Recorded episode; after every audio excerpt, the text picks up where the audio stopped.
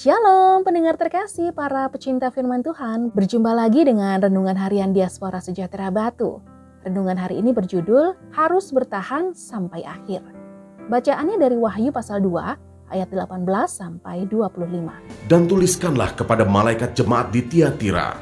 Inilah firman anak Allah, yang matanya bagaikan nyala api dan kakinya bagaikan tembaga. Aku tahu segala pekerjaanmu, baik kasihmu maupun imanmu, baik pelayananmu maupun ketekunanmu. Aku tahu bahwa pekerjaanmu yang terakhir lebih banyak daripada yang pertama. Tetapi aku mencela engkau, karena engkau membiarkan wanita Isabel yang menyebut dirinya Nabiah, mengajar dan menyesatkan hamba-hambaku, supaya berbuat zina dan makan persembahan-persembahan berhala dan aku telah memberikan dia waktu untuk bertobat. Tetapi ia tidak mau bertobat dari zinahnya. Lihatlah, aku akan melemparkan dia ke atas ranjang orang sakit. Dan mereka yang berbuat zinah dengan dia akan kulemparkan ke dalam kesukaran besar. Jika mereka tidak bertobat dari perbuatan-perbuatan perempuan itu, dan anak-anaknya akan kumatikan, dan semua jemaat akan mengetahui bahwa akulah yang menguji batin dan hati orang, dan bahwa aku akan membalaskan kepada kamu setiap orang menurut perbuatannya. Tetapi kepada kamu, yaitu orang-orang lain di Tiatira, yang tidak mengikuti ajaran itu, dan yang tidak menyelidiki apa yang mereka sebut seluk-beluk iblis, kepada kamu aku berkata, Aku tidak mau menanggungkan beban lain kepadamu, tetapi apa yang ada padamu, peganglah itu sampai aku datang.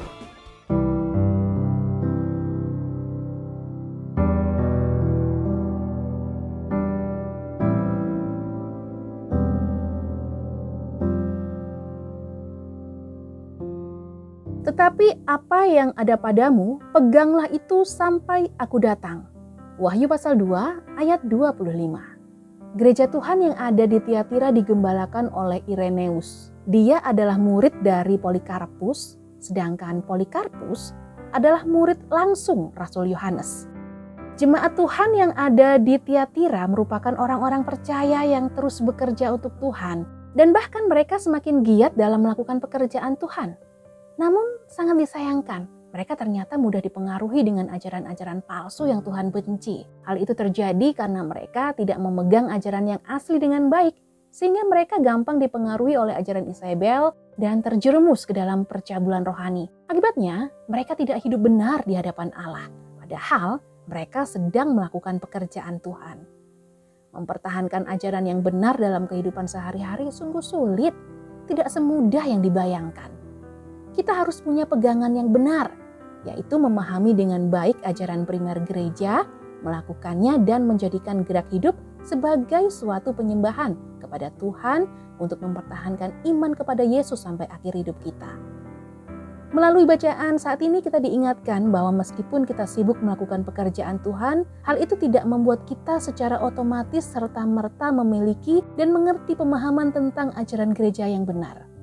Oleh karena itu, saat kita melakukan pekerjaan Tuhan, kita juga harus menyediakan waktu untuk mempelajari ajaran-ajaran dasar gereja yang benar, supaya kita tidak mudah dipengaruhi oleh ajaran palsu, dan kita bisa mempertahankan iman yang benar sampai Tuhan menjemput kita.